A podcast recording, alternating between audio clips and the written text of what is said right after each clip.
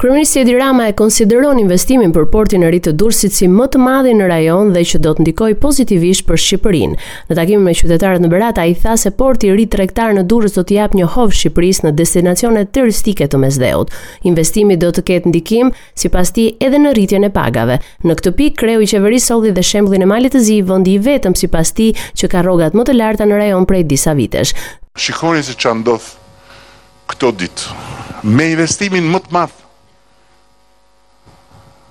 direkt të huaj në rajonin tonë që është investimi për transformimin e portit tregtar të vjetër ndotës, në mes qytetit të Durrësit, në një port turistik që do të jetë ndër më të mëdhenjtë në Mesdhe.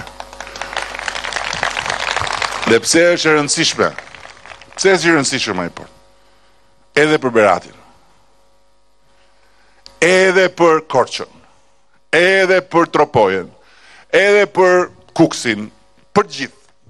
Sepse sepse ai port do të jetë një portë e madhe e hapur e një Shqipërie që do të ndryshojë komplet pozicionin në klasifikimin e destinacioneve turistike të Mesdheut dhe duke ndryshuar komplet pozicionin nuk do të jetë atraktive vetëm për të ardhur te porti.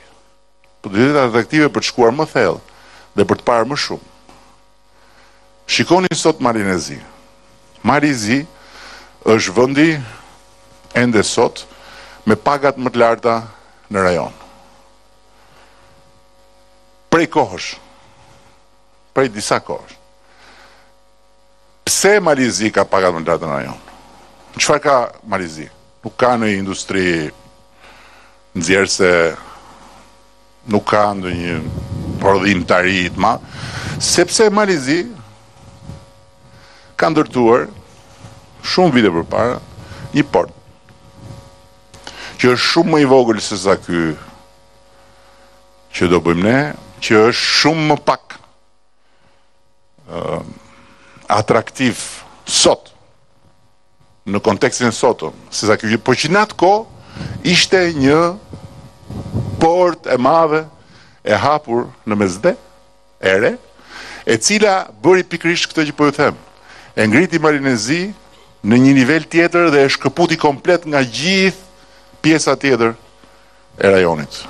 Duke bërë që Përmes kësaj porte të hyjnë turistë që shpenzojnë shumë dhe të hyjnë investime që sjellin shumë më tepër punësim cilësor dhe paga të larta. E njëjta gjë do të ndodhë Edhe me portin e Durrësit. Kryeministri Rama u shpreh i vendosur se investimi do të bëhet dhe se do të ketë ndikim në jetën e gjithë qytetarëve. Nga ana tjetër, kryetari i Partisë Demokratike Sali Berisha gjatë mbledhjes së grupit parlamentar ka hedhur akuza ndaj qeverisë për projektin e portit të ri turistik të Durrësit. Sipas tij, Shqipëria nuk ka regjistruar një plaçkitje të tillë të një prone publike ndonjëherë. Sipas Berishës, Rama po shkatërron portin shekullor. 11 urdhër arreste kanë çuar në pranga 5 persona të përfshirë në aferën e inceneratorit në Fier, ndërsa 6 të tjerë vijojnë të jenë në kërkim pas dyshimeve të prokurorisë se kanë marrë shuma deri në 4 milionë euro për të raportuar punime të pakryera. Nga hetimet ka rezultuar se fillimisht Ministria e Mjedisit ka bërë pagesa në drejtim të shoqërisë koncesionare zotëruar nga Klodian Zoto në shumën e 4 milionë eurove, ndërsa Zoto si aksioner kryesor i shoqërisë ka pasqyruar dhe përdorur situacione të falsifikuara për shërbime që nuk janë kryer në këtë vlerë. Mes personave të shoqëruar është dhe Arben Dervishaj, i cili është zëvendës president i shoqatës së ndërtuesve dhe numri 2 i FSHF-së. Sipas hetimeve të SPAK, Arben Dervishaj në rolin e mbikëqyrësit të punimeve ka konfirmuar se janë kryer punimet në inceneratorin e Fierit, ndërkohë që nga hetimet e thelluara ka rezultuar që punimet nuk kanë qenë si janë deklaruar prej tij. Gjithashtu, sipas akuzës kanë rezultuar të dhëna se Klodian Zoto dhe disa prej të arrestuarve të tjerë si Arenc Myrtezaj, Regan Merdani, Gentian Zifla, Enver Sheshi, Robert Shabani kanë vënë në funksionim edhe skema mashtruese në lidhje me tatimin mbi vlerën e shtuar.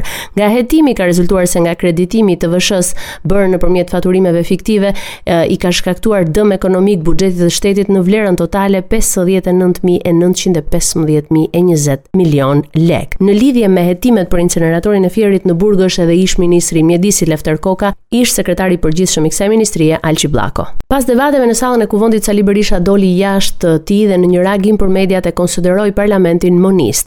Ai dënoi gjuhën e përdorur nga kryeministri një javë më parë dhe vendimin e parlamentit për të përjashtuar dy deputetët demokratë Paloka dhe Leskaj. Berisha tha se parlamenti është transformuar në një institucion që vendosin grupet kriminale ku merren vendime në interes të këtyre grupeve kriminale. Kryetari i Partisë Demokratike gjatë një prononcimi për gazetarët foli edhe për protestën e radhës që do të zhvillojë opozita. Ai nuk caktoi datë dhe vend, por tha se do të vendoset brenda dy ditëve. Gjithashtu, Berisha u pyet nga gazetarët dhe se çfarë nënkupton kur thotë që do të vijnë qytetarët shqiptarë të përcjellin disa mesazhe konkrete tek parlamenti. Berisha u shpreh se ato gjëra i di populli. Populli vjen këtu për të sjellë mesazh. Aktiviteti për festën e 110 vjetorit të pavarësisë do të kulmojë me koncertin e këngëtares shqiptare me famë botërore Dua Lipa.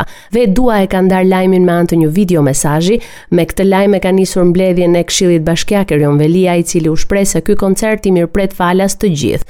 Për festat e nëntorit, kryebashkiaku i bën thirrje qytetarëve që të vendosin flamurin kuqezi në ballkone dhe në dritaret e shtëpive. Ndër të tjera, ai radhiti dhe një sërë aktivitetesh ndër to mikpritja e krerëve të Bashkimit Europian dhe atyre të Ballkanit Perëndimor në datën 6 dhjetor. Panairi i librit në Tiranë ka nisur paraditen e së mërkurës, datë 16, rreth 97 shtëpi botuse dhe një sërë botimesh të reja, shkrimtarësh dhe përkthyesish shqiptarë dhe të huaj vijnë në këtë edicion të 25 nën moton të jemi gjithë lexues. Në ceremoninë hapëse të këtij edicioni kryetari i Shoqatës së Botuesve Petrit Ymeri rikujtoi rrugëtimin e kësaj feste librore përgjatë 25 viteve të saj, teksa ministrja e Kulturës Elva Margariti u ndal tek motoja e këtij edicioni.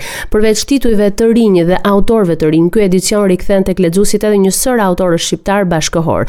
Panairi i librit do të qëndrojë i hapur deri në datë 20 nëntor për t'u finalizuar me ndarjen e çmimeve letrare. Raportoi nga Tirana për Radio SBS, Gerta Heta.